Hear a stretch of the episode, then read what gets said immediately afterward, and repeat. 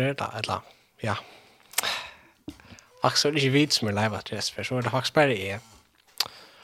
Uh, det er nok stømmelig nå her, nok stømt her i kveld, og det er faktisk bare jeg som sitter her. Det er så si at Teitor, han er jo for en Danmarkskar, det er så det vi senest for da vi var live, det var så senest for Teitor vi. I alle fall du, og gjerne tog.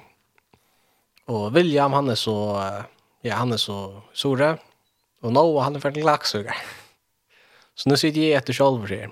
Men uh, det er gång nok.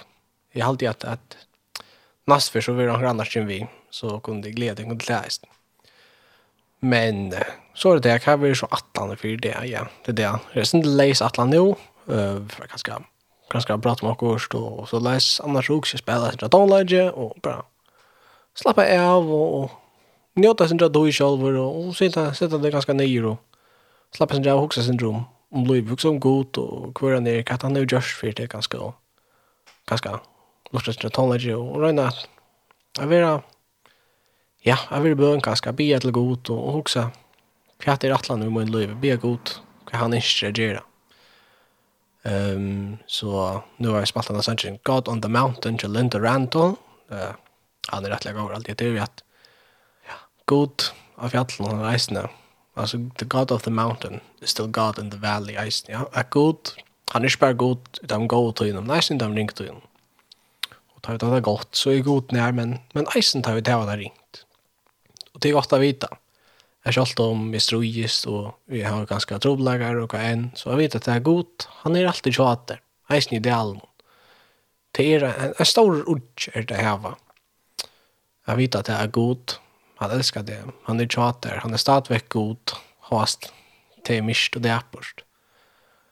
Och vidare till han. När Avan säger god så mysk natten är så kommer det dörren alltid att lugga. Ofta så plejer jag att säga att det är att natten är myskast på en dag dörren kommer. Och till resten är ofta så läs vi, vi löv någon och vi är ja, vi löv någon kan man säga og heimen noen. Og heimen han blev støvet myskar i myskar och vi leser jo at, at det skal være som å døve novaren och just ratter. Og at det blev myskar och myskar och myskar jeg hva vi der om vi det här än ta. Schema jag kan säga till at at det blir kjøtt, og det kan si at det var 2000 år kjøtt er en kjøtt, så det er kanske det sier omkring när jeg vet ikke. Jeg vet inte när det er, är ska jag finne på och se när det är. Ehm men taveror fyrir eller sætene. Og vi må jo være til reier til det eisene. Og hvordan er man til reier til det ja. Det er ganske en god spørning. Vi at sette seg vana Kristus, vi at vende egen opp, det är rettelig annet, det er jag väntar egen upp. Vad är det egentligen? Jesus säger ofta, han säger, i Mattias, minns vi rett, han, då så de etter som förhända, henta, og det enda ta in, ja. Och så säger han, ta i hetta, byrjar hämta vänta ta egen upp alltså vänt i egen upp mot Kristus inte ta upp bättre men i egen mot himlen. Vi läser eisen om det och vi dock Salomon kanske kan prova för att finna att han salmen fram i läsan. Det kanske vi också dottla på av först.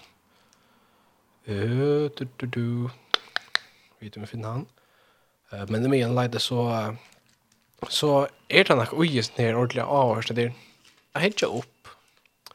Ehm att av så det är sen det ganska ehm Peter och de vatten då. Det är väl lite enig upp. Vad betyder det? Vad ska vi jag får vi får lägga läsa psalmen. För psalm 121 så vänta att det är Peter han då. Eh psalm 121. Är lite upp ej mun mot fjällen. Kvejane ska hjälp mun komma. Hjälp mun kommer från Herren som har skapt himmel och jord. Ikke skal han leta foten eka. Ikke skal han blunda som værer til. Nei, han blundar ikkje og svever ikkje. Han som værar Israel.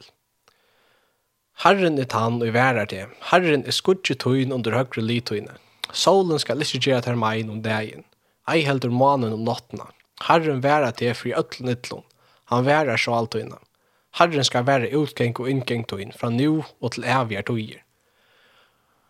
Det er vi at at kvian kommer hjelp meg, og kvian skal hjelp å komme kommer fra herren, det er til vi hjelp, altså, at vi tar vi tar var tropläkare vi den dock ni tropläkare tar vi liv här i luven här och vi vi kommer här var tropläkare så är det bara.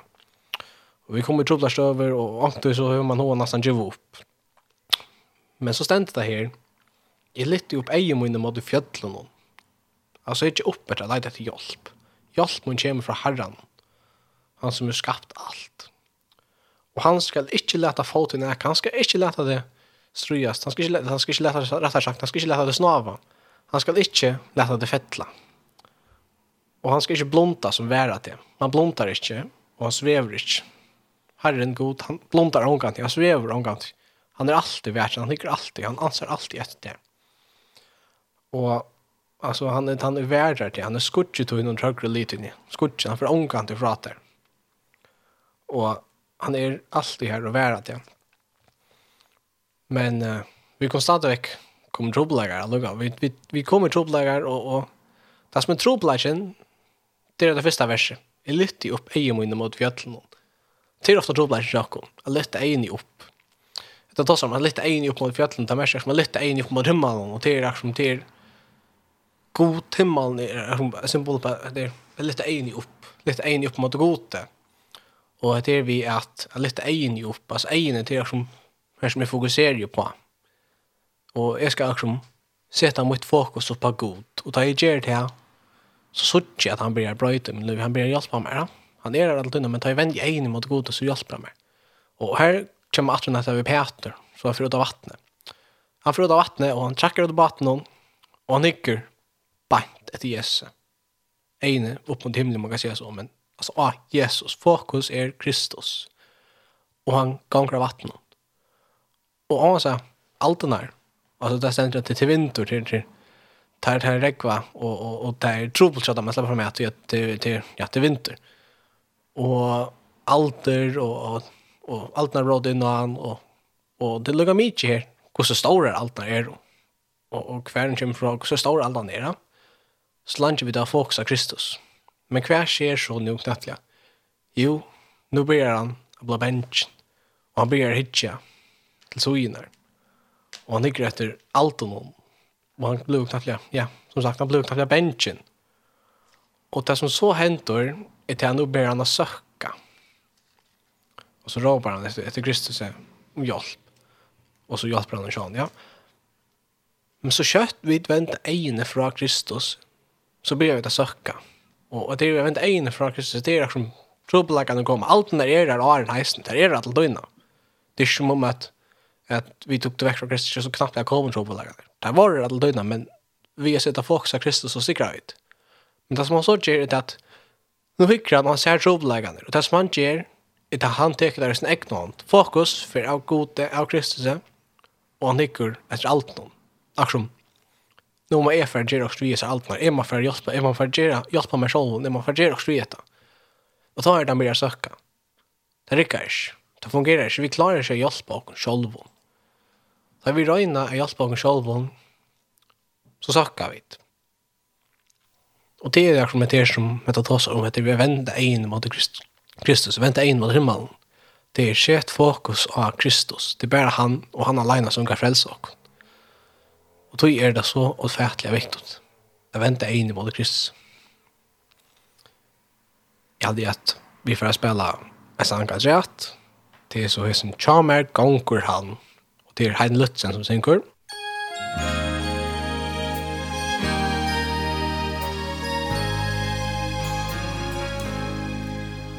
Og jordsdagar hans kom i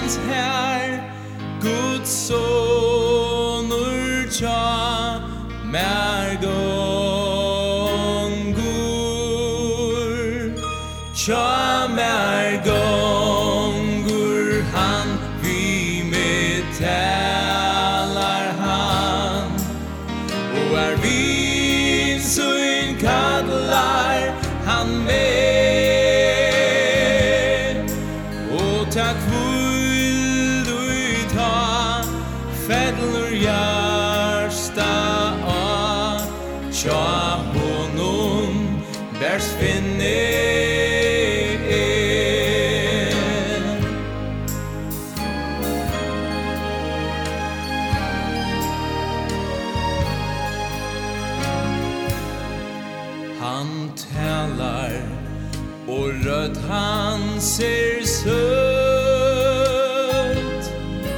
Anor jo Tyjas fatak følna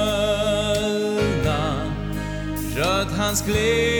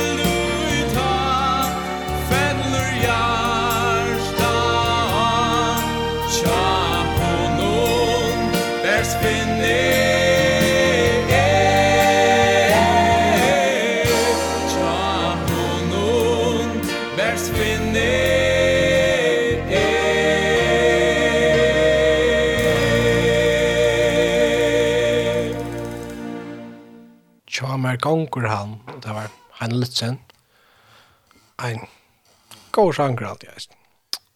Um, så er det det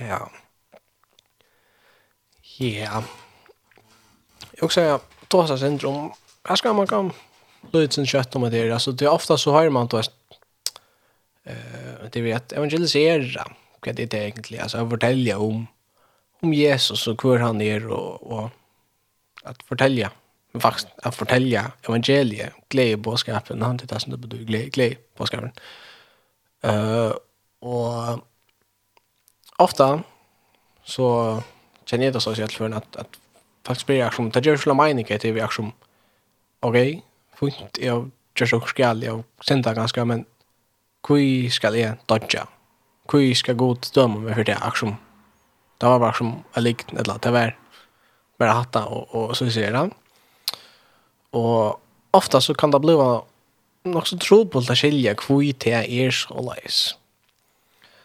Uh, så jeg husker kanskje, kanskje man kan prøve å vite man, altså, hva er det Bibelen egentlig sier dere? Hvor er det jeg vet eier er straffast? Hvor er det så alvorligt? Hvor er det spørsmål som jeg er rundt jeg være en god person? Hvor er det ikke godt nok?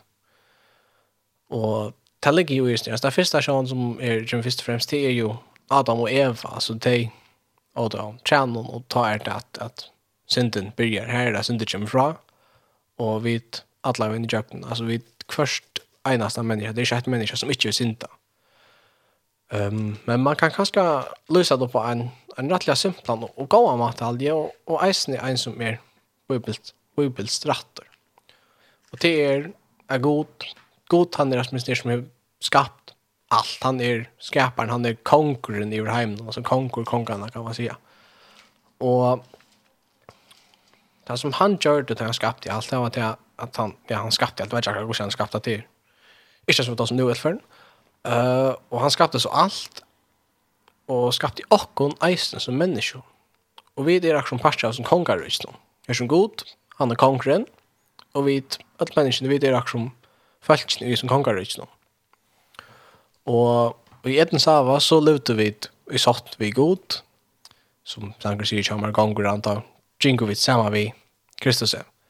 Og vi, ja, vi gingo vi Guds rujtje, altså vi gingo sammen vi god, til å ha samfunnet.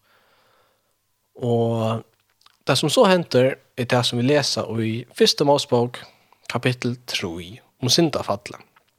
Jeg stender, men ormuren var sniltar enn öll andre dyr av marstene som god herren hei gjørst. Han sier vi kvin kvinnorna, heven og god sagt, de må onkon tregi urslageren og eta av. Kvinna sverre jo, vi kunne eta av frukten i trøven og i urslageren.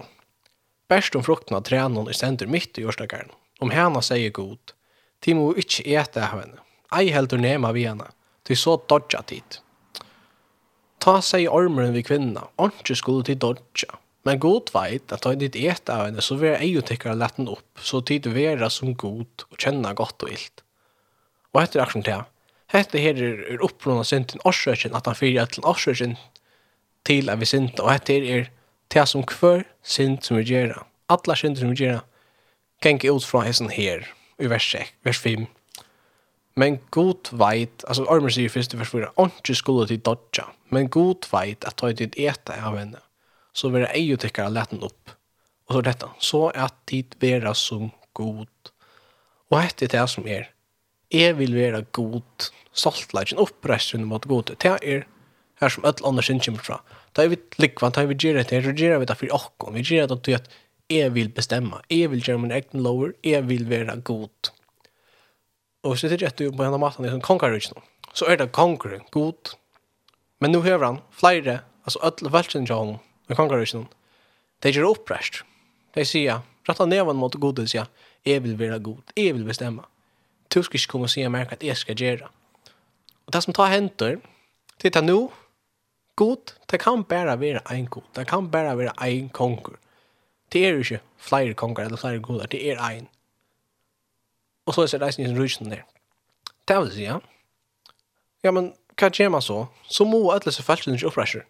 Ja, men vi kunne ikke behava alle disse feltene i hver god. Det er ikke. Det er ikke bare vi kan ikke behava 500 rimske konger eller 6 milliarder rimske konger i sin rysene. Det er ikke. Det vil si, ja. Er god vil nødt til at, at faktisk at disse feltene må lette lov. De må dodja. Det er straffen ikke av dem. Tog jeg teg rundt og tveide god av trådene. Og det er det som vi gjør. Men, alltid er god og nøyere, så i stedet for å drepe oss, i alle fall beina veien, så sender han noen ut ur konkurrøyden, ikke sant?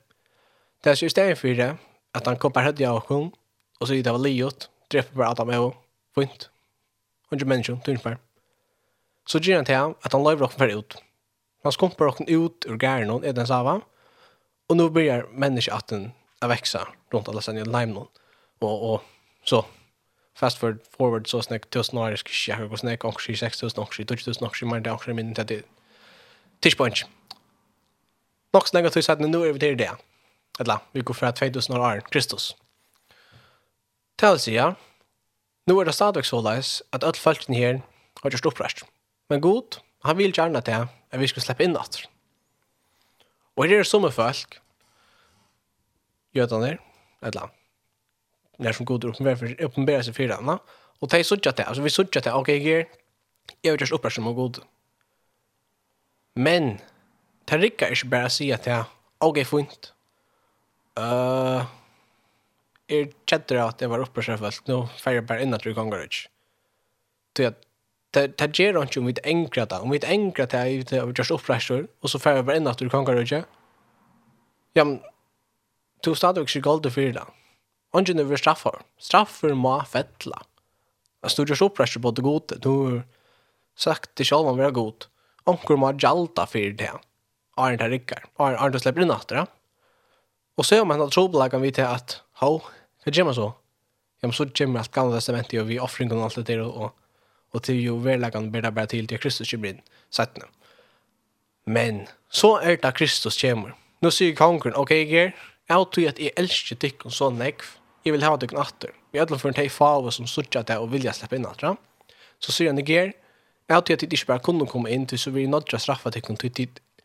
De tar jo stadigvæk sin nøy til tid, er stadigvæk godare til ekne løyve, man kan si så, godare gasser, you know?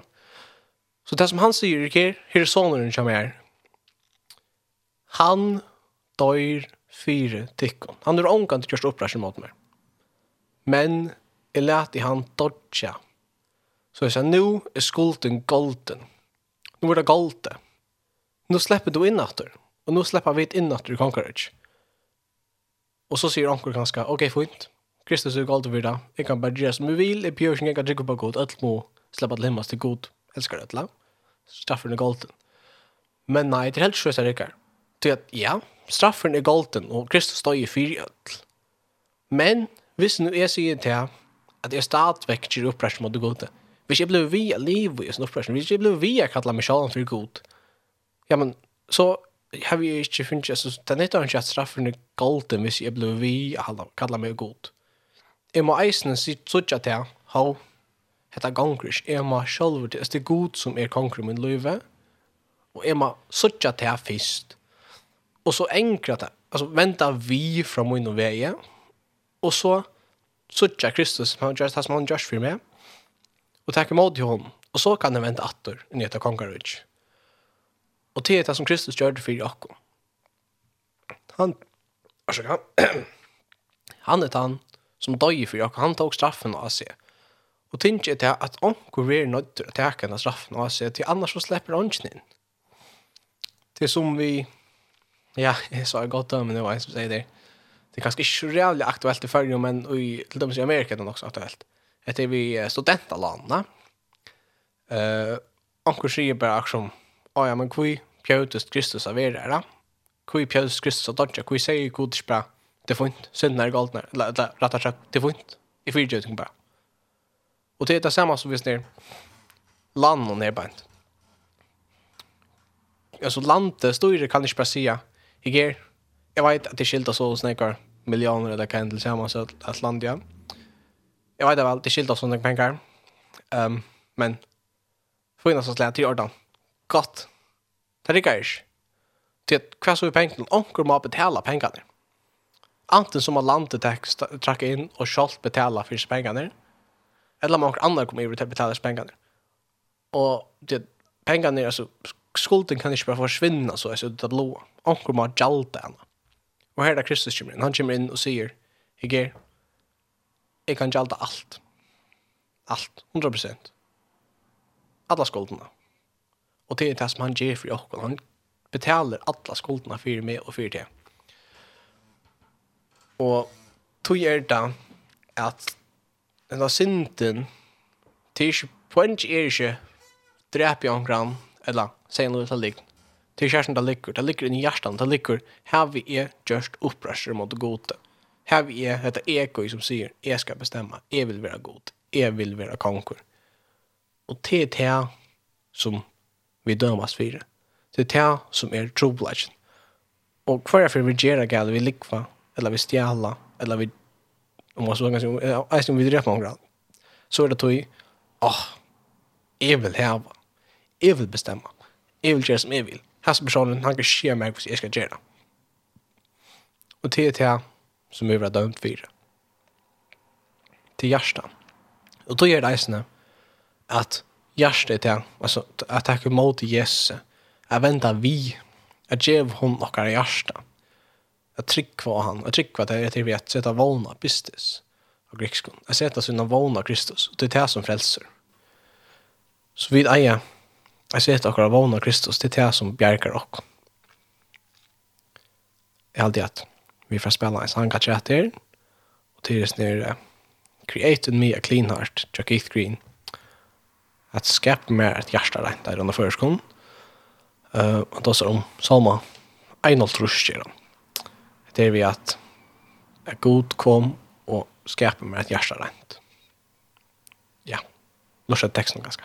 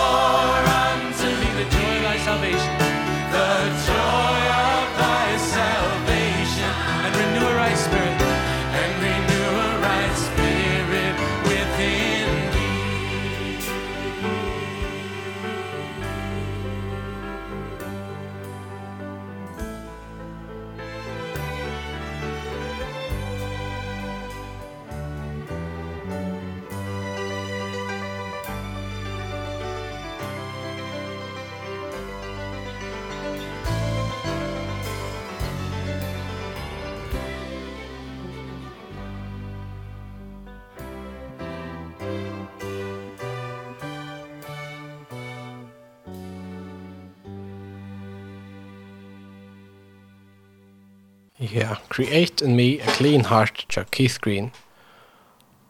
Og annars så er det velkommen å sende lustarinskje inn og skjelt og skjelt og skjelt fjers til sånn det Kristelig Sanger som vi sender inn her beint. Uh, annars så kunne du gjerne sende spurninger og, og også hvis det er til eisene. Det er måte ikke, og vi skal sånn det. Vi tror ikke svare på alt, men jeg skal, jeg skal røyne svare på også hvis det er. Um, men her er onkur som spyr, om jeg kan spela Sanchen, det kan så spela Motorsvingen, tja Carola, som Linda Sandel har skriva. Han er om gods kærleika til okkara, som er gypri en kærleikin en mamma hever til sin brøstabat. Hesen kærleikin vi lesa om i Isaias kapittel 24, og det er så vers 14 til 16, for lykka lesa det her. Her stendur, Sion sier, Herren hever svitje med, Herren hever glemt meg. Mann kvinna gløyma brøsta badsutt, så hon miskunnar ikkje livsfrukt søyne. Og om så vær at jeg kunde gløymt, gløymi jeg ikkje det. Hygg og i boar hendur munar hev jeg rist det. Murar tøyner er de er alltid fri eia. Alt dette er... Ja, det er fantastisk det er vita, Luka. At det er som Sion som sier til Ursula, så, så følt vi ut Sion vi god. Herren har svitsi meg, han har glemt det. altså god til glemt det, god glemt meg, God, hver erst du i min liv, ja? Men så svärar god, takk matter. Man kvinna glömma brøsta baden så ut. Så hon misskunnar inte livsfrukt så inne. altså, man mamma for, man er mamma for å glömma så ut badna. Alltså, det händer inte. Men så stända, ända allt rätt. Og om så vær at det er kun og gløymt, gløym er ikke det. Det er Guds kærleik, han er han är större än den kärleken som, kärleken som min mamma har till vattnet. Så, jag säger. så först pratar han sånt, motorsvingen till Carola.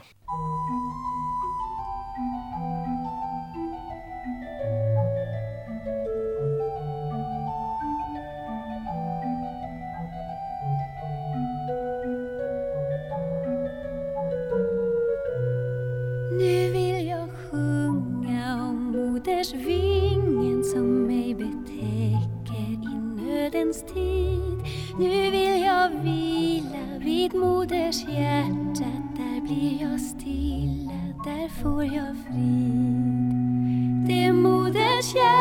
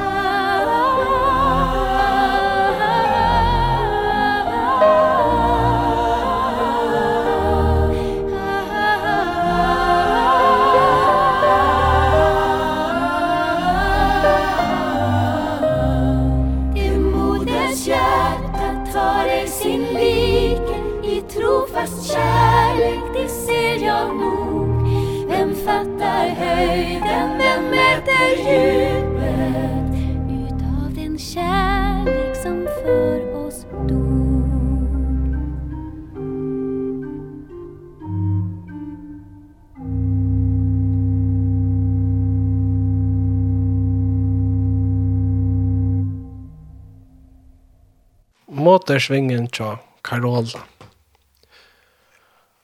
Um, annars så er uh, sånn det mulig å sende inn sms, og som sier han så, så spiller vi bare kristelig kjent. Um, annars må du gjerne sende spurningar og hva enn nesten. Tjej alt og.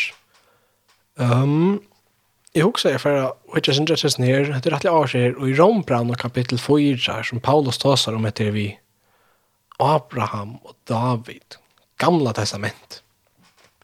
Ofta, når man hører til gamla testamentet, så, så vet jeg at det er nekker som sånn, åh, det er ikke for den gamla testamenten, jo, ikke, det er mye lort, det er så gjeldt, da, akkurat, det er ikke alt annet mer, da, Um, Men uh, vi er lærkene til han at det er så helt og fjertelig godt og spennende i gamle testamentet. og eisene aktuelt enn det. Um, men det som hender, det som stykker til dømes Jesus, og da han var, ja, da han ikke gjør det, så er det farsierne og skriftlærde som totalt gamle testamentet gjort han rett.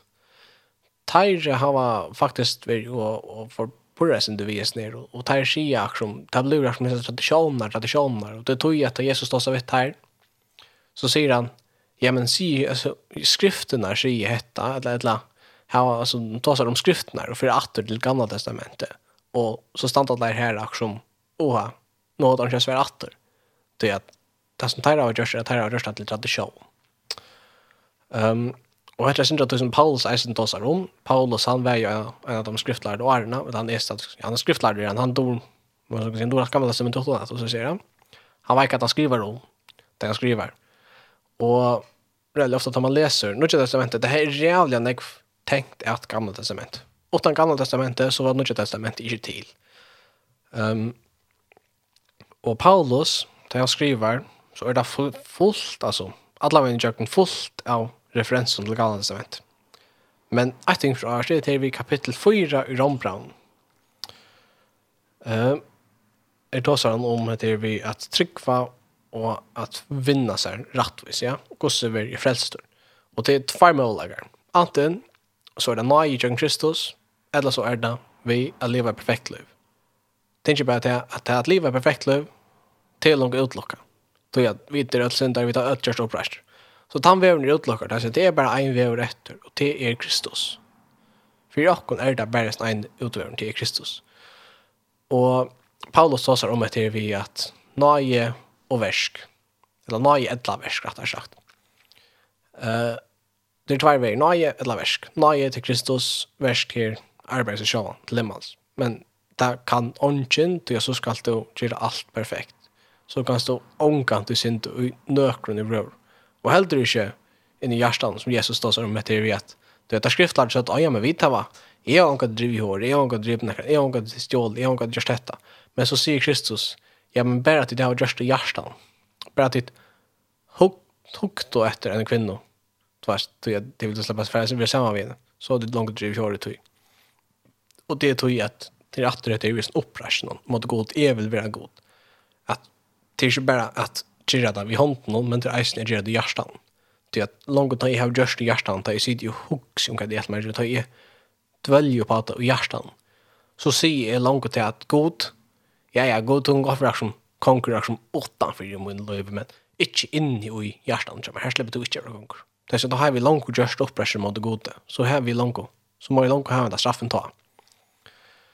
Og det er jo ikke andre slipper det til, det er det som Paulus sier, til anten så er det versk, etla er det nøye.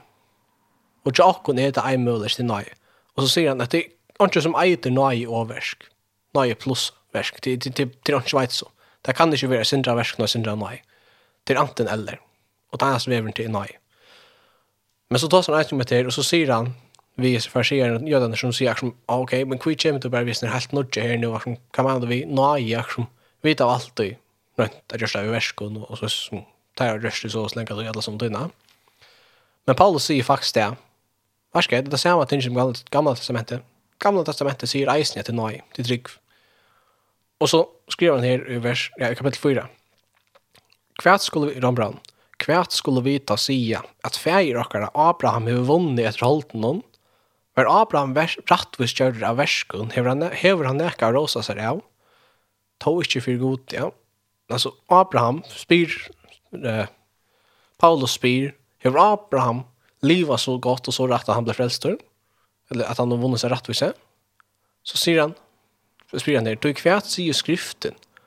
Och så sier han vad gamla testamentet säger, alltså citerar gamla testamentet. Abraham tror gode och det var rockna honom till rättvisa. Tannu viskar, honom vil lønnen rockna, inte av nöje, som, men som neka han eier av. Men tannu ikke viskar, men tror han som ger henne og godlige rattvisan. Honom vil tryggvansar råkna til rattvis. Altså han som tror av Kristus. Honom vil tryggvansar råkna til rattvis. Ja. Jeg trygg Abraham tror godt til å råkna til rattvis. Og at det her, det sier bare til 1. Mosbok kapittel 15. Og bare ganske lukka for hittir styrtes ned. Det er at det er en ordentlig avskyr dette. 1. Mosbok kapittel 15. Hva stendur her? Jo, heter God ger skottballa vi Abraham. God säger, God lovar Abraham, men du ska få böten och du ska det ska vara som säger Abraham, säger vi Abraham, men ger för ut och hicka det kötten och kanske tälja kötten och Abraham säger så. Nej, ja. Ja, han svär nej, men men till ja. Han kanske du kan inte tälja kötten där. Så när böten först du går få han för lovar hon att få ödelse böten. Jag får det han ger hon en en lyfte. Och på samma måte som god jörgen och lyfter jag vill släppa att limma så at han frelser och John Kristus. Og så stendte det ja, fra vers 5, det sa det, kapitel 15, vers 5, det ser fram. Så får han altså god ut vid hånden og sier, «Hikk upp mot i og vit vet om du kan tälja skjøttene.» Og han sier vid han, så lai skall til å være.» Og Abraham tro, eller Abraham tro i herren hon, og han råkna i honom til et Og Abraham tro i gode, Og det var råkna under rattvise. Og det var akkurat som, her sier Paulus faktisk, det er det samme som kalles menn sier, det sier at det er trygg som frelser ham. Men man kan eisen nesten det var i kapittel noen til at han levner, han levner bare lykket til her verset er bænt. Men han siterer, han sier bare til alle kapitlet nesten, ja. Og det som hender er til at nå for at det er en sottmåla. Og det er en sånn kontrakt som det er gjør. Og det er gjør det en sånn kontrakt for tøyne, Så gjør du det at du tok noen jord, og så ser du det helt, og så leier du det hvordan med er, altså noen via, og så jacks du i jøkken. Du sier til dømes, ok, fint, vi får gjøre en handel, uh, du skal, eller jeg får selge det hjørnet som er beint. Jeg lover til at jeg selger det her, slags hjørnet her beint, så snakk, så snakk hva gjør, og at du først kan ta ta. Fint, ok, og så, og så ganger han jøkkenes jordene. Og så sier hin personen, ja, jeg lover at det kjøper som gjør fra der, jeg lover at det betaler så, sånn, jeg, og det, og det, og det, og så ganger han i kjøkken. Og så er det akkurat på samme måte som du skriver under på at han, jo, og maten som tever helt jo på er at hvis du så ikke helt det da, ja, så vil du kvar helt. så dårst det, va? Det er akkurat du gjør det, du skal alt halda det. Du gir vi året på det. Og hette det som god, gjør vi Abraham nu, han gjør det sått med det. At god skal halda det som han gjør, Men det som är så avsvisning är att det står just sått med alla, så har du tvær parster. Bare tvär skulle lova näka och halda det. Men her beint, så läser vi att Abraham gjør det klart, Abraham sier, men, her, men han sier, herre, herre, av hver gang kan du vite at jeg skal leie til, hvordan skal du vite at det passer? Um, og så blir god, Abraham, får meg, tror jeg gamla kvuju, tror jeg gamla guide, tror jeg gamla vekk, torstel du og du unga. Gjør det klart, gjør det der uh, der satt man han. Og så blir jeg, og nesten gjør, vers 13 og 14 andre beint. Så stendte det, er god, nå for god, natten kommer, og så kommer god der beint, og så sier han vi Abraham, Her beint, en skal du vite at jeg kom til å skal bygge som fremmant i en lande og ikke tar at jeg skulle være trealer til følelsen der, og være ytla vifferd at heimen 400 år. Men eisen til følelse ut jeg skulle trealer til jeg skal døme. Så gjerne skulle det fære hiane vi nekk nekvun gasse, Men du skal fære frie til fære tøyner og være gjerne av gåen etter åren. Og i fjorda atterlige skulle teke meg her. Du enn har amoritter ikke fyllt synda med oss ut. Og, og så, så lover han det som han skal gjøre. Så stendte at inn og solen var undergrunnen og mist var våre, så struk han til åner og lo han til eldre som var fram mittel der sunderskårene kroppene. Det er god som fyrir jøkken her. Nå er god som sagt han skal gjøre, og så ganger han i jøkken her. Og så stendte han Hentan dagen gjør Herren satt mål av Abraham og sier, «Jeg kommer til å gjøre vi hette land, fra Egyptaland sa er stora, at stora, ånden er fratt.» Ok? Men kvi lova i Abraham ikke? Han gjør ikke gjøkt noen. Og Abraham gav ikke. Abraham sier ikke, «Jeg skal gjøre det og det og det». Han sier ikke. Det eneste som han skulle gjøre, det er å trygge på god helse til lyfte. Abraham pjøter ikke loven i akka. Abraham tror og det var rakt noen rettvis. Abraham gikk ikke i noen, det var bare god som gikk i noen. Det var bare god som henger på det. God henger på halvt av sitt år. Men Abraham gikk ikke engang i noen. At det nok så avskjer. Og, og dette er det som gammel som jeg sier, dette er det som Paulus tåser om. Paulus sier ikke, det samme evangeliet. Det er trygg som frelser, det er alltid vært. Og så kommer Eisen en ørendømme. Så sier han, Rambran kapitel 4 atter. Så lais prysar eisen David til menneska salt som god tilrakna rattvis i utan versk. Sæl tei som misbrotten er fyrgivin og syndna fjaldar seg. Sælur ta mevur i herren ikkje tilrokna synd.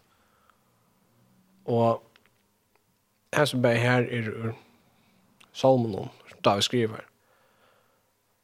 Og altså, her sier David eisen der, og, og hette han sier eista samme og i til dømes så det er ikke å lese som Einoltrus. Vi spalte den sannsyn i Janne, Jack Keith Green, Creating Me a Clean Heart, det er som Einoltrus. Og det som henter her, det er at David hadde dripet, vet han, først er han driver i hår, vi bet se på en kona, og så er han dripet mannen kjønne. Det vil si, han har gjort færre synder, som er fra gamle testamentet, hvis du drøp drøper omkran, og hvis du drøp hår, Enten eller så skulle du dodja. Så var han ikke fyrtjøring, hva var han ikke nøy, du skulle steinast. Det var han ikke offer som du kunne offra, som var noe godt til det. Og det var David. Og han sier han gjør skjale, og så skriver han det her Salma 1.3. Og han sier i dem som første verset, God vil mer nøyjord etter gøskotøyne, strika ut båmøyne etter store miskontøyne. Två av meg helt regna fra sindmøyne, rensa meg fra sindmøyne tog jeg kjenner misbrutt mine, og synd mine er meg alltid fri eia. Og så sier han nesten i dem, ja, vers 12 til her som det er sin sanker, som kikker inn og skriver om, vers 12, God skap i mer rent hjärsta, og ger av nudjon støva han anda i mer. Og byr om etter, God endur nudja meg, frels meg faktisk, sier han.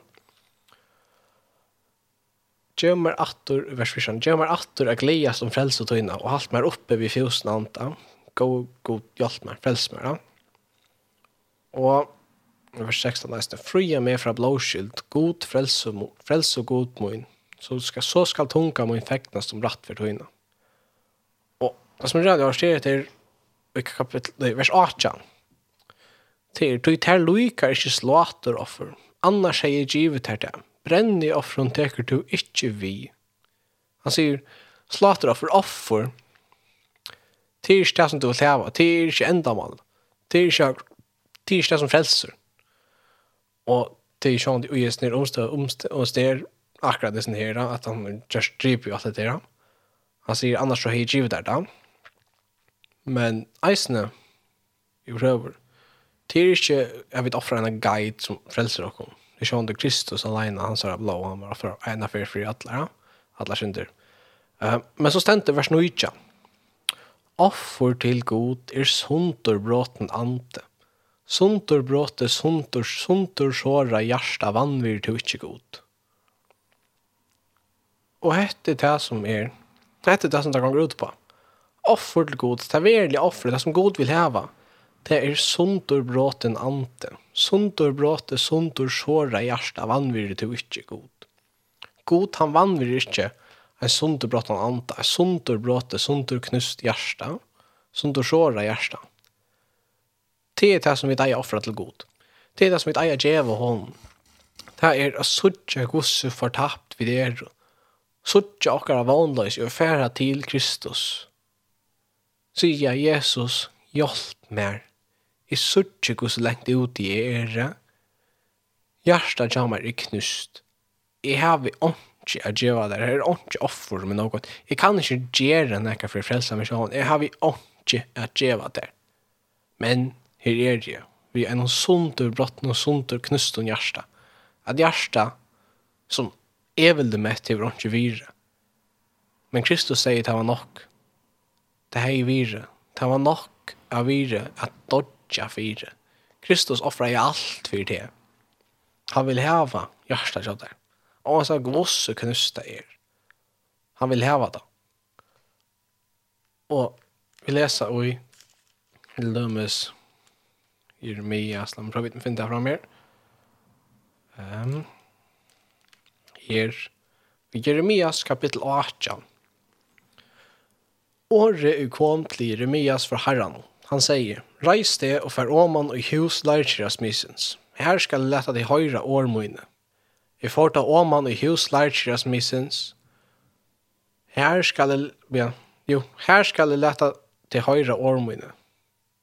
Vi har sjekka, nå lest skreft. Vi blir omater.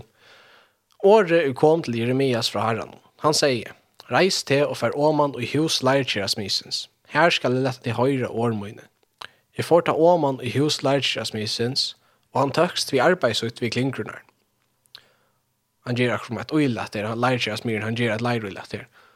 Og så stendt det, og ta i uilat i han gjør det misetnaist, som genka kan vi leir noen i hånd lærer seg missens, så gjør han da om at til anna uilat, som han nu vil de hava til å være. Det er vi at vi kiksa, vi hava et sundur bråte, sundur knust hjärsta, og, og det er akkurat, man kan sånn at hjärsta er akkurat lærer, ja. Og det kiksar. Men hva gjør så god? Jo, så gjør det han da ommatter til anna øylet som han nu vil ha det være. Han gjør okken, han bygger okken opp ommatter. Han evner okken av nudgene. Skaper mer et hjärsta rent og god. Han teker ut av sunder, brottene, sunder, knuste. Og han gjør det nøyt. Han teker det, og han gjør nekka fantastisk bortsett ned. Sunder, knusta, sunder, brottna, som ikke er nekka virre stenda vore vers 5. Ta kom år herrans til mun. Han sier, Skuldi er ikkje kunna gjørst vi tikkun hos Israels, som er sin leirtjæra myr, sier Herren. Jo, som leir i hånd leirtjæra mysen, så er det tid i hånd mun hos Israels. Det tar sånn om Israels, men her eisen er relevant for okko. Det er eisen relevant for meg og for te. Ta vi kiksa, ta vi koma til god vi akkurat sunt og knusta hjärsta, så er han mentor å hjelpe okko. Han er mentor at geva okkon av viri, han er mentor att frelsa okkon, og han er mentor att teka etta sundur brottna, sundur knusta hjärsta, og reisa okkon upp, og teka okkon ui sin faun, og han heldur okkon der. Og, ja, som sånn var Einald Tors, var damas øyla, man han sånn, han er reella gav redan. I sin hjärstan. Er god, han skaper ui okkon rent hjärsta, atru han, han, han ändrar nu kör och. Han rensar och. Han teker det sunt och knusta hjärta och gyrda nytt. Eh, och det så för jag faktiskt när ser om med traditionerna som det har som ständer i Asien.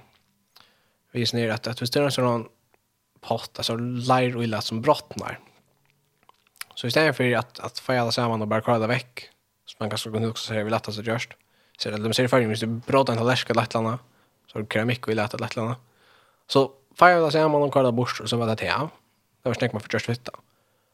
Men uh, det som de så gjør, då här eller gjør det her som måste stanna. Det är till att istället för att kalla veck så täcker det där. Och det täcker sig stitch ner. Det så knust og stitch og pettene, og Och det det ser man efter.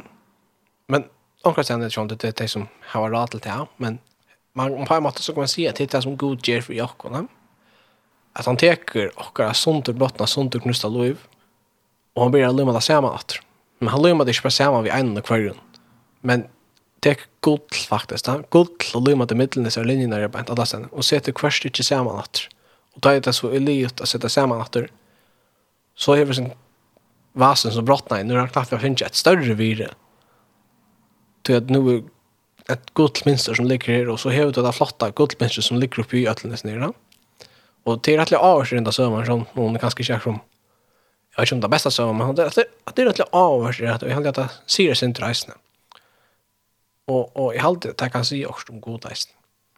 Att han kommer och teker åkra sunt och knusta hjärsta och sitta samman att och fingra mest till honom till sitt oj och och vi tsucha Hvis vi tenker atter akkurat liv, tar man det frelstor så kan man sutja hos i herren er brøtt, ein, og han er virsk ut i løyve. Og han gjør nekka fantastisk for det, og for meg. Jeg har alltid at vi får spela en sang som heter One Day at a Time.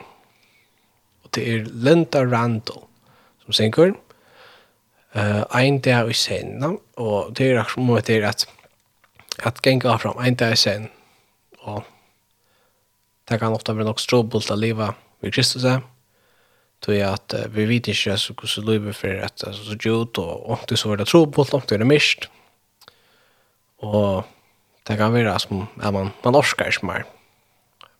Og man vet ikke hva man skal gjøre, og man vet ikke hva som är sagt nu og, Och Jesus sier også nesten til at ikke inte stora för morgonen. Alltså inte stora. Inte stora, flera färger.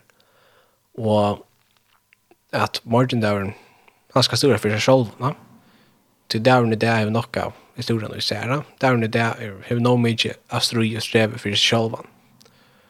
Og det tar det godt ting at, at som en dag sen, en dag sen, at Jehova god, hendan dagen, god, altså Kristus tek du hendan dagen i det, hjelp meg i jakken dagen i det, gjør meg styrke til hendan dagen at jeg, og hendan dagen at jeg, en dag at jeg, en dag at jeg, og genga ein dag i sen. Så so, One Day at a Time tja Linda Randall.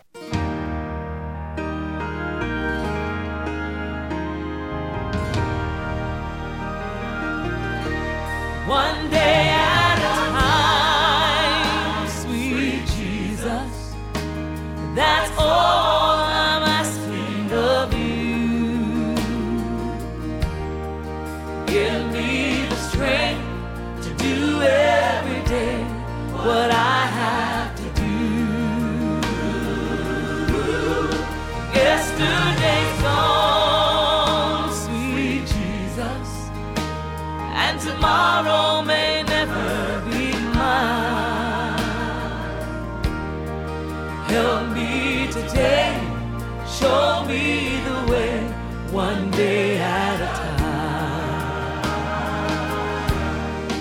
I'm only human. I'm just a woman. Help me believe in what I could be and all that I am. Oh show me the stairway. I have to climb. Lord, for my sake Teach me to take One day at a time. One day at a time Sweet Jesus. That's all I'm asking of you. Just give me every day what I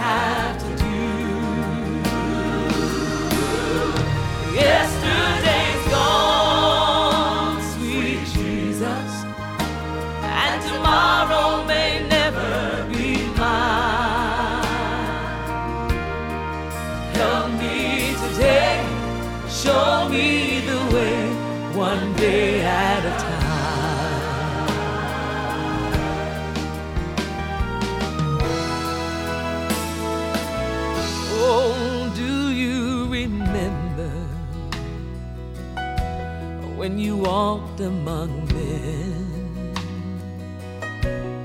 Well, Jesus, you know If you're looking below That is worse now than then. Oh, there's pushing and shoving. And it's crowding my mind. So, Lord, for my sake Teach me to take one day at a time. One day at a time. Sweet Jesus that's all I'm asking of you. Just give me the strength to do every day what I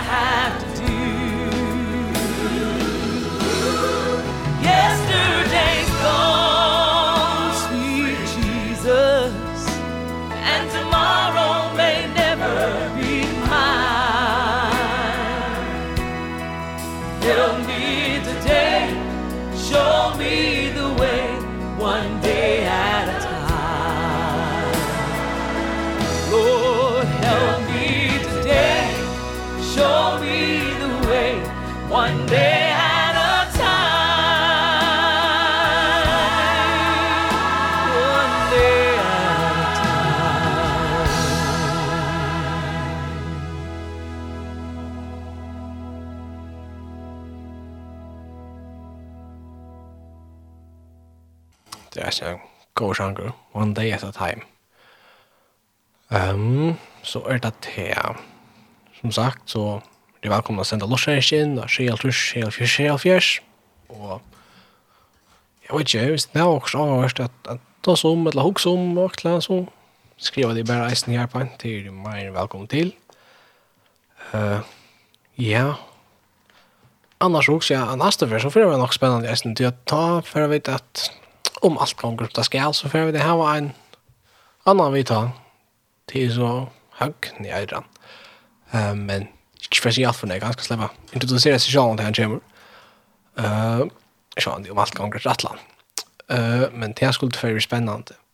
Annars så så nu är så kom ja, det kommer nog att vara jag kommer nog att sitta här själv för det mesta. Eh nu och framöver. Uh, Teiter, som sagt, han er jo i Danmark, og Noah er Klaksvøk, og William han er i Sore. Så det kommer nok å være, men det meste er, og så han kommer høgne. Uh, og jeg husker til, altså hvert, uh, om man skal være, hvordan man skal halda fram. Og jeg har jo husker sin, og jeg husker det her ganske virkelig, at, at stod då skulle det och ganska prata sin mer och och titta jag några ävne och så där är ganska väl nok så avst och Och så läs det som också för hålla fram i men nu var det skvätt. Norstan i shoulder range jam. man vill ha mer av en tonlaga sändning eller och prat och journalt och kanske inte läsna i visst här. är jag vet inte vad det är som som man ska göra framöver men uh, det är ju eisen med att lägga skriva ta till döms Lars Eriksson nu annars så så är möjligt att skriva jeg vet ikke akkurat hva jeg har da, men jeg har til jeg vil ikke alle opplysninger nå om alle uh, til dømes mail og, og Instagram og alt det. Uh, jeg har det ikke bare til nå, men uh, det er ganske omkringstende. Uh, så kanskje jeg finner færre ut i omkring nå, er en ikke like kveld. Annars så også man kan lese ut til neste før, så kanskje folk kunne komme i akkurat oppskottene eller også der. Um, så det skulle det være spennende å vite hva for å hente nå framover kanske onkel bra ting som är på i, kanske det för allt fram som ska säga hva. Jeg vet inte. det er sen dropp till uh, norskjøren Reisen. Vi kommer släppa här också så det, jeg synes det vill det. Jag husker att uh, för å spille en sanka chapera her, det er alltid har vært et godt og. Så vi får spela en sang kjenn nå til å få spela. Det er sangren her, jeg kommer god. Og det er sånn, ja, nå til å spela.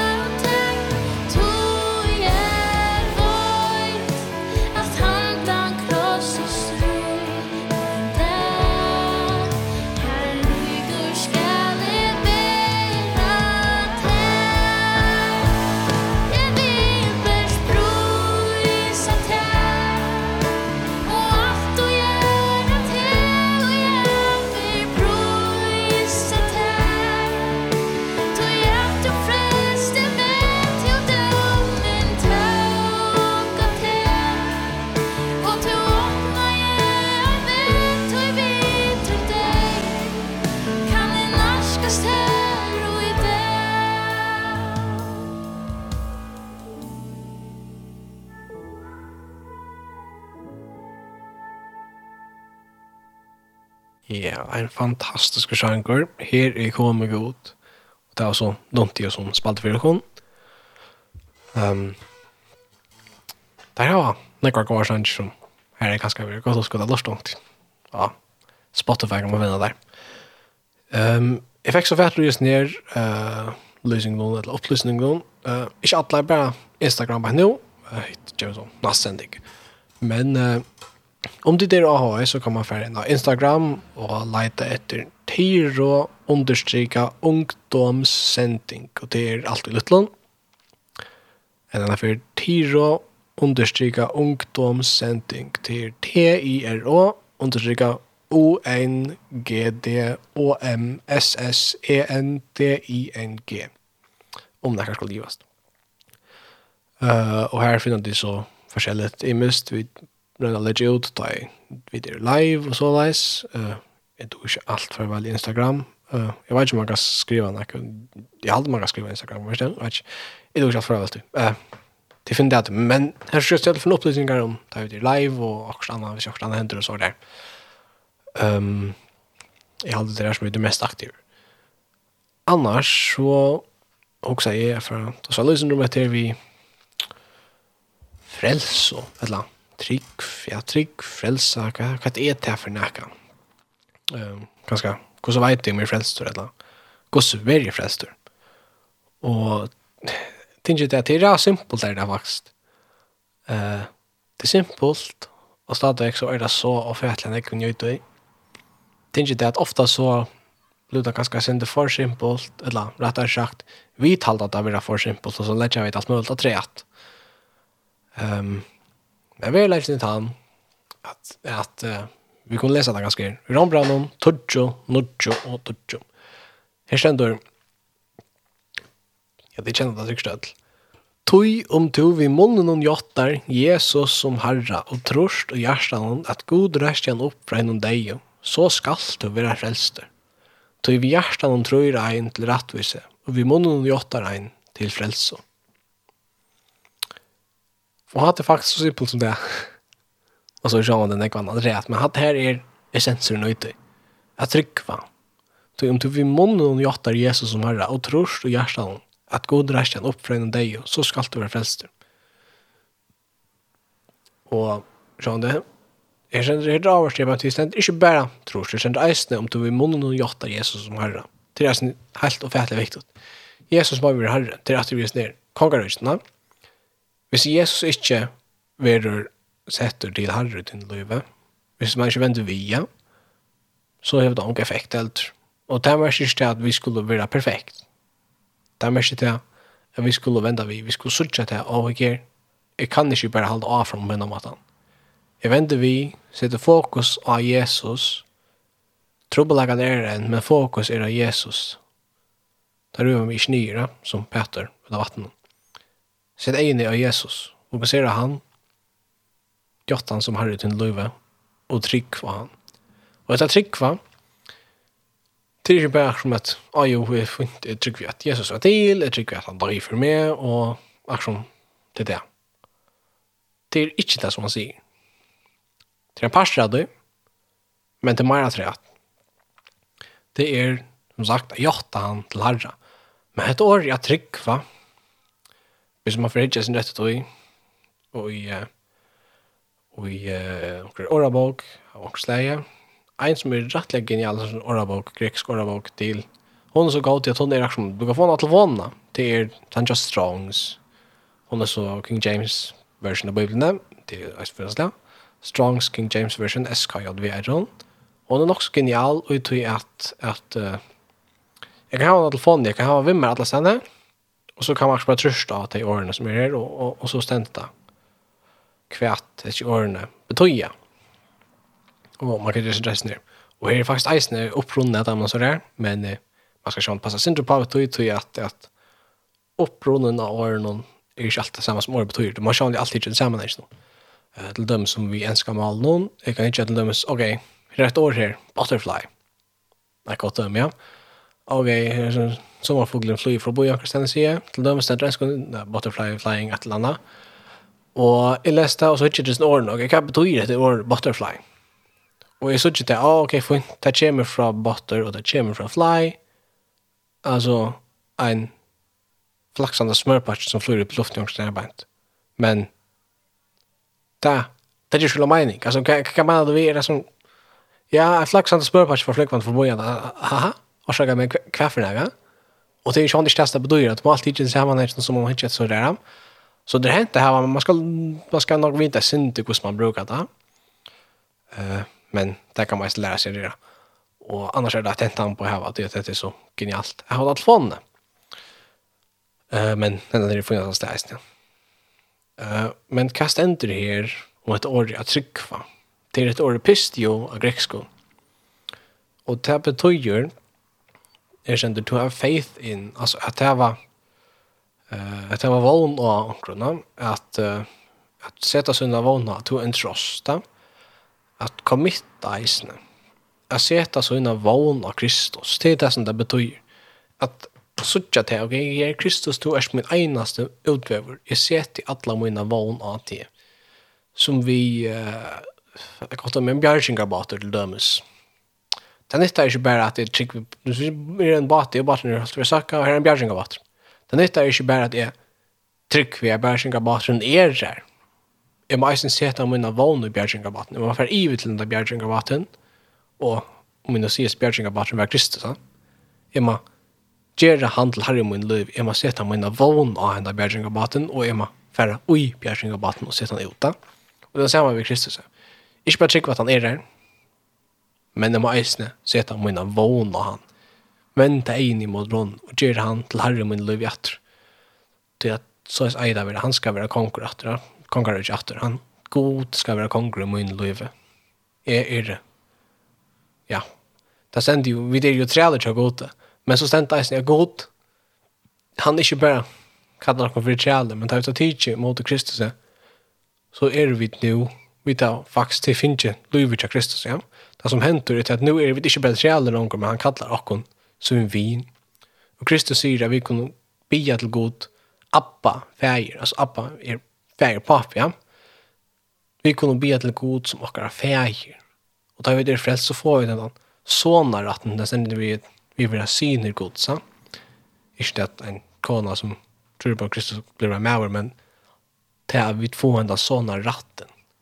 Vi är inte långt bara trädlar men vi er arvingar til Guds. Vi er forhånda såna ratten.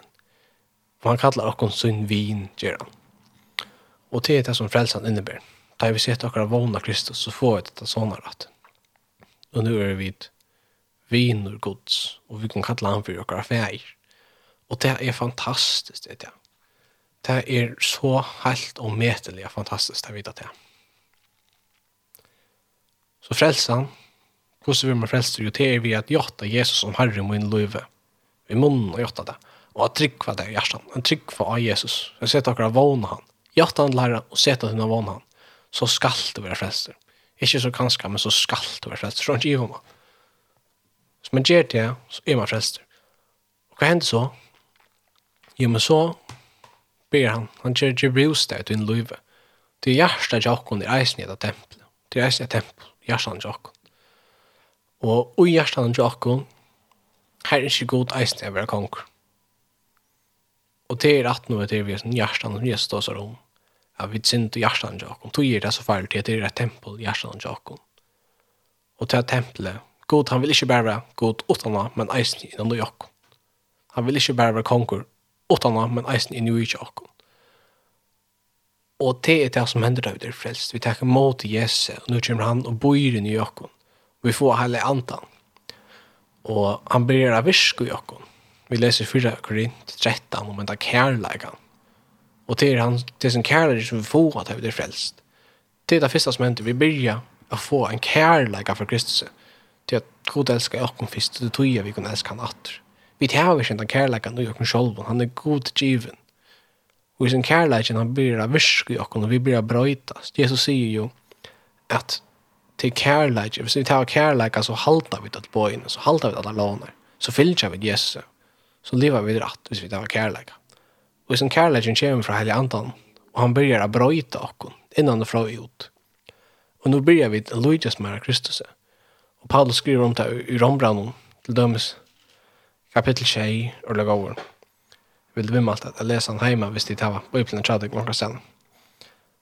Han forklarer ordentlig vel alltså stövna som vi kommer i att vi synda men vi vill ju inte synda. Vi vill ju göra det som är rätt. Alltså att du frälser så täckt mot Jesus så så sars du vi söker visst hur slängt ut vi det och så där kan det motron vi dag som vi vi klunka och knacka fast upp i Kristus. Och tar vi gör det så börjar vi att söka hur så hjärtat jag kan är längt ute och så vi synda. Och Paulus skriver efter tog jag vers 15 kapitel 6 Sejan, sorry, Ron Brown.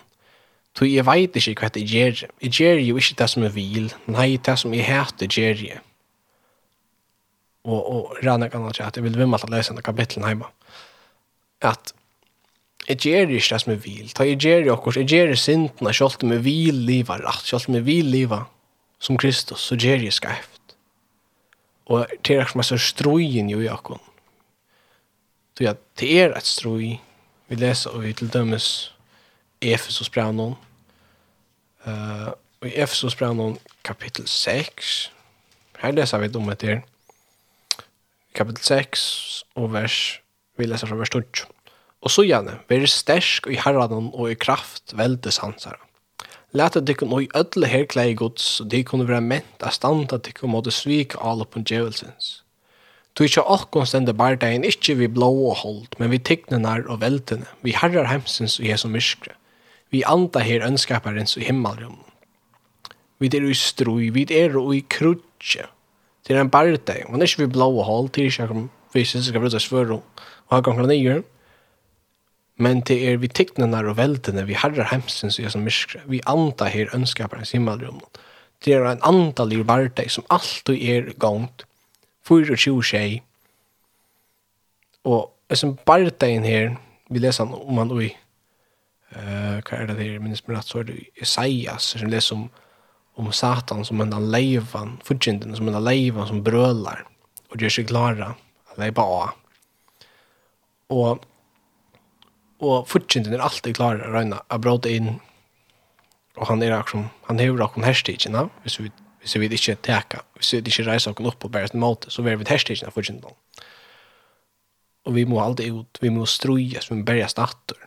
Det er akkurat som vi er her, man jo ofte til, um, jeg halte meg kallet det lukkende vi er sånn kvita hunden til svarsta hunden, da. At, at da kvita hunden han, han som er som det ratta, og den svarsta hunden han som det rinka. Og det er vi at hvis du gjør det svarsta hunden etter, så, så är det han som blir större och kraftigare och han vinner. Och gör det kvitt hunden så är det han som blir större och där ska han som vinner bärdigarna. Och det är det syndrom på att han vart han ut i kristna liv nu. Vi må leva Kristus och tacka det. Vi må leva tja Kristus, vi må be, vi må trycka av han och sätta våra vana han och ge hon tog ägna. Och hela anden släpper visk i oss och sin kärlek. Ja? Så det är en barrla i alla samtidna, men vi äger våra standande ju som barrlan. Og vi äger lärt att komma i ödles i härsklägen. Så ständer om sin de kattis härsklägen gjør, og så sier där. Og hva vi skulle lätta komma ut i. og vi skulle lätta komma i ødel. Det er veldig viktig at her er att som är krutsk, at han ikke også er, ach, Chalmers er så, han er så heiter, som ska gå igenom. Vi må färre i ødel härsklägen. Annars så nyttar det lunch, annars kommer du være jankon. Alt er lunch, ja. Og så ser jeg at mentaliteten av kristendommen er en sånn alt er lunch mentalitet. Anten så er det alt, eller er det ånd. Så er det. Um, jeg husker at man kan prøve å spille en sang her, om at det er vis leivene som sitter og brøler, fortjentene, brøler utenfor, og han regner å slippe inn i midtelen, omkring stedene. Omkring stedene er som veggeren, er som muren, ikke er, uh, hva sier man, vartor, her som vi ikke er til reier, her som vi ikke er verken, her som vi ikke strujas, her som vi ikke standa, her som vi ikke bia. Og fortjenden brølar som en leiva, røyner, er finna vi inn. Og vi må strujas til måte og halde ut, til Kristus kommer og fruer og natter. Og til sin sankren Occupy, tja Petra, i alt jeg vil fra. Spela han. Spela han.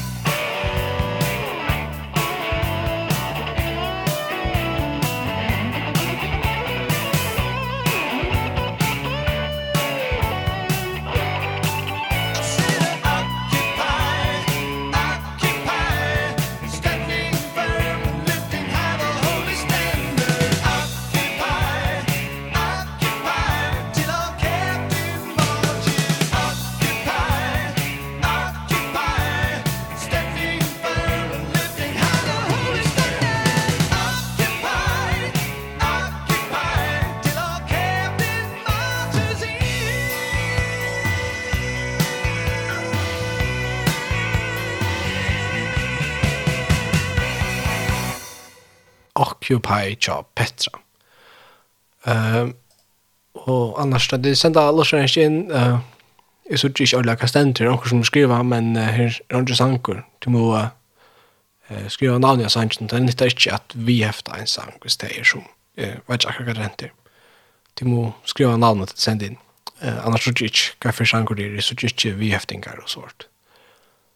Um, annars er det da, 6, 6, 6, 6, 6, Um, ja. Occupy. Vi er jo ofta her, at vi er jo hashtag, når man kan si det så leis, at uh, at uh, livet blir harsht, og vi lever ikke alt, alt det her som vi skulle. Og ofta så såna vi, om man kan si det sånn. såna. Såna og vi blir at at strujas ta och vi fällde sintene og vi resa knäs upp att og det er her som Robert är det vi resa knäs upp att vi färger ikke beinleis atter og söker gott og, og vänta kom vi ofta så blev det där som heter vi har vänt in mot himlen men det ene mot fjallen, det kan bli trobult å gjøre. Tog at det blir trobult å av, og vi gjør gale, og vi takker egne hånd, Og i stedet for å vente oss til Kristus, vi tror så blir jeg vidt, jeg hittar Nyret, som prater ut i vattnet. Og ofta så før det så ringer av seg, det blir bra. Jeg vet ikke, bare langer og langer nyr. Og det blir bra. Troblare og troblare. Og vi blir bra. Verre og verre fire, og det ganger verre og verre og verre og verre. Og vi slipper ikke bort i atra. Og jo mer vi røyner gjøre vitt, jo verre blir støvann jo mer vi rönnar jag på mig själv, ju mer vi rönnar at, at få trubbel att fixa igen, ju värre gång då. Vi kjenner det nok att vi, vi tänker vi er til dem som kommer sint, som blir Lovia henger, akkur som sitter nøyver, som blir Lovia tog ner alla tøyne om at og, og så kanskje gång den løtt, og, og så, ah, nå var det om at det og Så, alltså ringkras som bare blir vi, og blir vi, og blir vi. og ofta så virker det som man føler seg som, man följer sig inte värdiga, man lukkar som, hva er jeg, hva hva, altså, jeg kan ikke bare, som ble vi, jeg gjør det, og så for at du til Kristus, alle sånne tøyene. Og er vi verdig? Er vi nærkvandig verdig? Altså, nei, ikke ordentlig. Men Kristus, han døye for dere. Vi var verd nok til han døye for dere. Så vi det har vært vire, et av endelig størst vire egen til å gå til. Så spurningen er ikke om vi er verdig. Spurningen er, han er ikke her. Det som er, er det Kristus, han er vi gjørst og verdig, vi har sett akkurat vana han. Og i tjøkken Kristus, så slipper vi til himmels. I tjøkken Kristus, så får vi et frelse, og han sier hva det er som vi gjør det. Og det er så viktig å vente vi på en av veien, å vente atter til Kristus på en av veien. Det vi gjør det gale, det første vi eier gjør, det, er å føre bein til Jesus. Ikke hoksa, nei, jeg kan ikke fære til noe nå, tog jeg det jeg har gjort det etter. Hoksa, jeg har gjort det etter Jesus hjelp. Tenk det, vi tar omgang til en omskillning for syndene til oss. Vi tar omgang til akkurat en omskillning av synd, denne årsøk av synd. Vi tar bare fyrirgjeving, men det har vi nesten som jeg for. Fyrirgjeving, fyrirgjeving og fyrirgjeving. Som færen til at du bortsett vil seg sånn han kommer inn han til til din. da er det vender vi. Da det kommer atter til han. Så kommer han rennande atter. Vi åpner ørmen. Han elskar det, og han vil takke imot det her, akkurat som du erst. Um, ja, jeg kan jo, så leis. Nå er noen rent til. Jeg lurer ikke. Jeg spyr, jeg kan spille sangen Does Jesus Care? Ja, Gaither Homecoming. Så, sjalom du får spille han. Ja Uh, så får vi att finna fram här lägga. Uh, vi har lagt lite bil.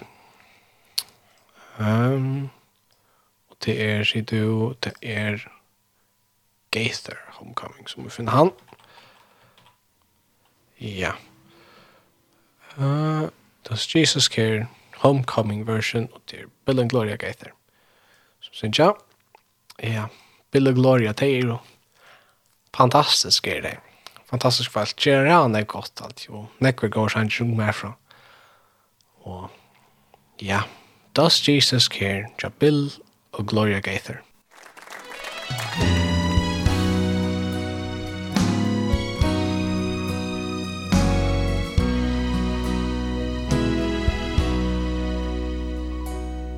Yeah.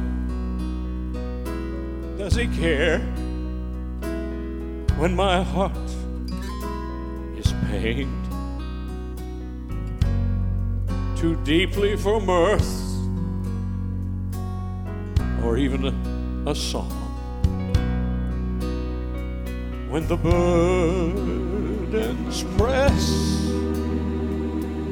when the cares press down in distress and my way grows weary long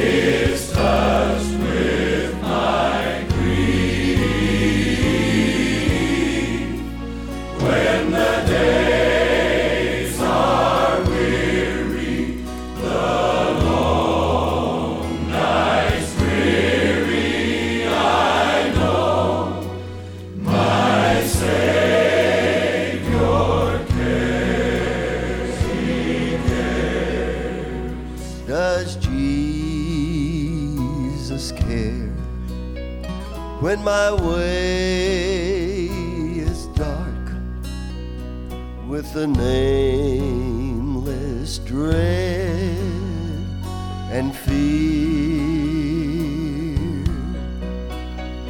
As the daylight fades into deep night shades does he care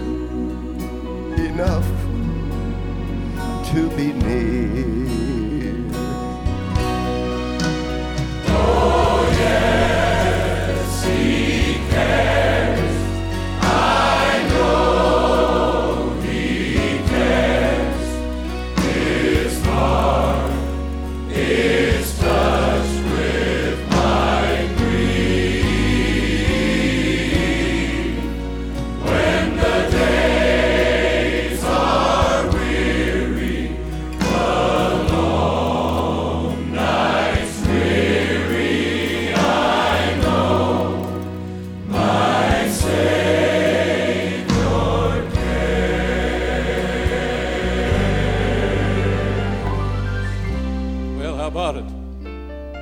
Does he care? When I've tried and I've failed to resist some temptation so strong and when for my deep grief I find no relief though my tears Oh, the night. Oh, here's the good news.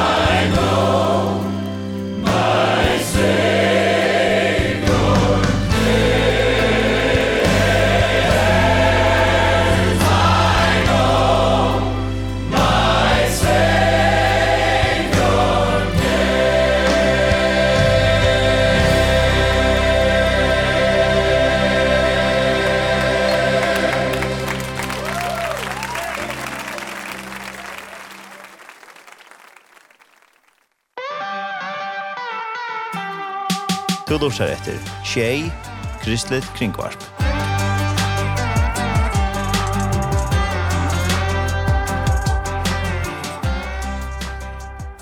Does Jesus care tja Bill og Gloria Gaither? Han er en god sjanker at han er fantastisk greia. Ja, det gjør han.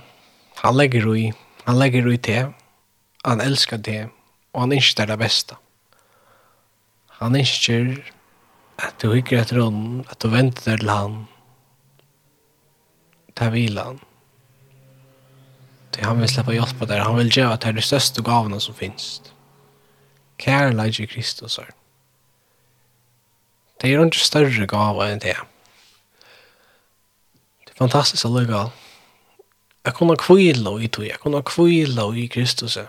Og du bare, jeg ser det seg aldri av Och bara man så kan säga att att blottna i kärleken till Kristus, man kan se det så läs. Jag menar också om allt det som han görs för det. Han tog upp krossen för togna skilt. Krosseren. Alltså det är den pynfotaste dagen som kan uimyndast.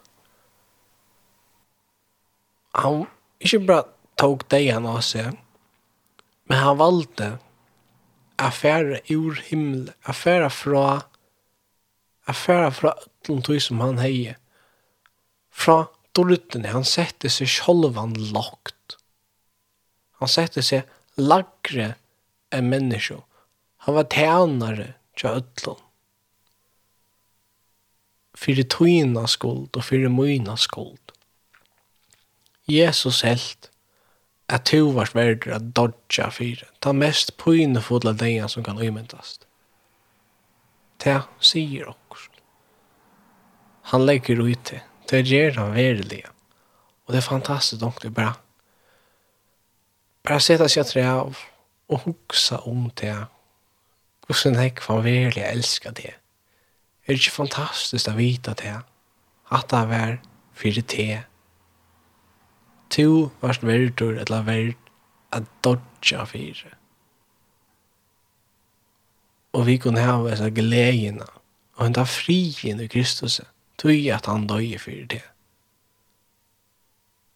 Det er så fantastisk å vita. Til realen det er godt som vi tar finnes John Kristus. Han er givet kun alt det som hever nekka vire.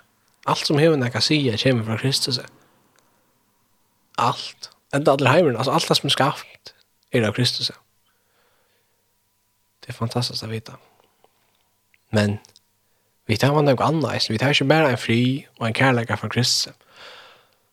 Jeg har alltid att jeg har alltid at man kan komma till. Jag har i år som att jeg vet att en sånn trost kan det vara. Det var alltid samma också gott som är höjre. Jag har en jag har alltid om det her.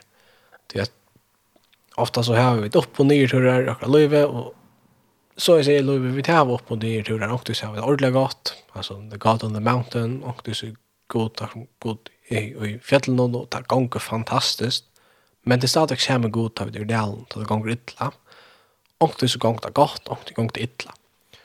Og och det er, så går det så ytla, att man också simpelt enn,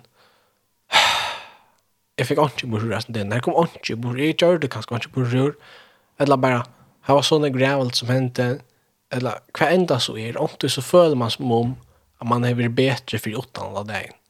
Hei, nesten det er vel bra omgang til VR, kunne man også omtid. Man er jo ganske omkring sånn at det er som man også er. Jeg er yngst det her som det er en omgang til jente. Men, ved Kristus så kunne vi vite at oansett gvoss og galen det er som det er som vi er, så er det stadväg er fantastisk och där vi kunne færa, da vi lägger oss så kunne vi färra i sånkar til sånkar välvidande att selv om det var en lörsta dag som mer, så er det en fantastisk dag og jeg vil det for alt i verden, ikke give en borstor og det ligger just ned til dømes at kvant det så det er ikke bare to eller jeg som er del Her er tjej milliarder folk, som gjør i eisen, ja. Og er det flere som har haft en gang det, og mer enn det. Um, hvis du ikke etter Tlems Kina, uh, fire, ne, tøtjo, tøl, trettan annen siden jeg også hørt, så la kristna tale, altså, så sånne kristne, hvordan kristne folk var i Kina, det var mett at det var omlai 0,1 prosent av folketallene. Og det er fantastisk å sitte hvordan herren virker i Kina. Og i det, så ser det officiellt kineser nu att han ser att att det ligger 5 som är en enorm växter. Men uh, missionsfälle och, och folk som är här i Kina strikvande som som arbetar för tog. De vill jag möta att dessa så ni kör rött från det till med landa så som att att du kan till köra så rädda rikt ända över kristen Kina du kan sig ordla. Du kan sig ordla över kristen Kina. Inte ordla. Och du skiljer där flyr ju inte vilja sier säga sig vara kristna, det, det tar sig att, att, att för allmänt utvitt, ja. Og de møter om, møter at tölene ligger omlag av 20% som er helt iverdrivna, va? Og den vokser nå 20% oppa en 20 år, ganska sin minne til en vuxen jag kjøtt som har rör ikke i kött, inte vuxen akkurat kött. Telegram, hvis jeg har råkna rett, så er det omlag 30 til 000 folk som har valgt å tige mot Jesus, kvønn den evig eneste det. Det vil si, kvønn det er det holdt opp mot i holdt rush tusen folk som har tidlig mot Jesus. Akkurat det er det mer, akkurat det er det vinn, akkurat det er det. Jeg tror jo ganske, akkurat rush, holdt rush og fjers ganske omkring det inn. Akkurat det er, det er en år, jeg minns akkurat hva jeg har vært, det har vært ordentlig, ikke va? Men, altså, det vil si, att kvön lörsta det som du har haft och som jag har haft och som man också ganska oh, heja att det bäst närmare det kan igen. Tandagen så hava en 3-4 000 folk valgt att tidsje mot Jesus som sin personliga frälsare. Alltså, hur kan man ta färra sur eller kjettor eller skuffa i sång tar man vet det? Hur kan man det Alltså hur kan man göra det? Det ständer ju akvarier för åker på Jesus så så fröjs alla himlarna. Och vi fröst isne. Är det näka som är ju mer glädje än jag vet att jag att en person eller tjat vi tidigt mot Jesus. Är du ju men där man kan större glädje än det. Kanske ta mig själv tag mot Jesus. Men jag vet att jag jag kvönt det så är det så nek folk som tackar mot Jesus. Alltså nästan allt färger. Det är i Kina bara. Alltså det är fantastiskt att veta. Och att det är en stor en stor okan och en stor tröst att veta att när man har haft en källan där att det är inte bara ja, det är fantastiskt där. Att veta. Ja, rock skriver alltså inte. Spyr Linda Randall, God on the Mountain. Det är en fantastisk genre da. Jeg vet at jeg er god, som er ja, god av fjøtlen, og god at det ganger godt. Han danser med god, at det ganger ytla.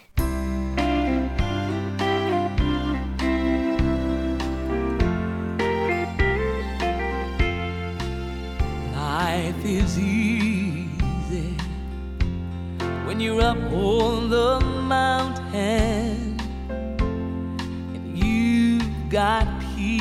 mine Like you've never known. But things change When you're down in the valley. Don't lose faith For you're never alone. For the God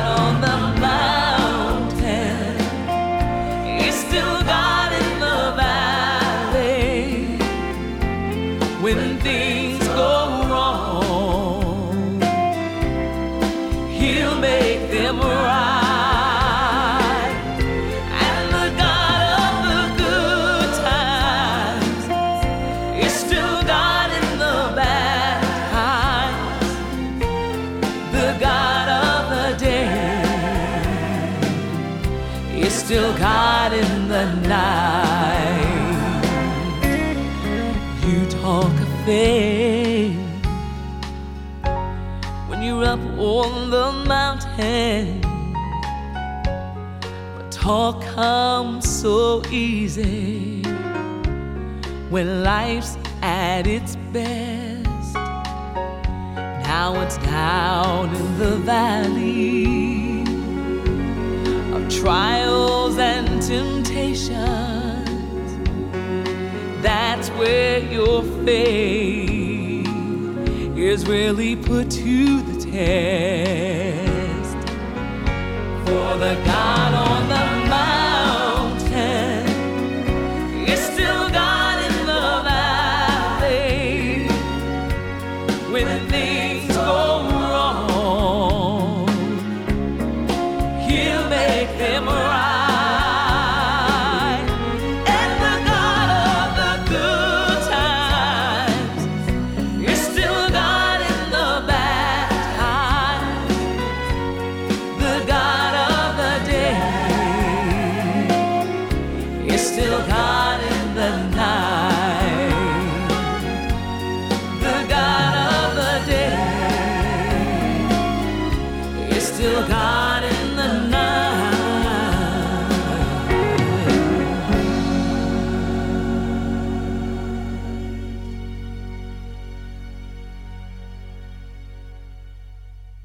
God on the Mountain.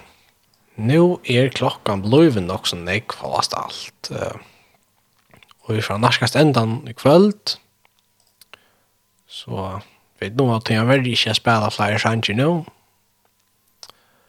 Um, men uh, for å takke for Jesus for det. Vi sier at det er nå. Man er venner ved å sitte flere her, men jeg har alltid det hever rettnast nå, det kvöld.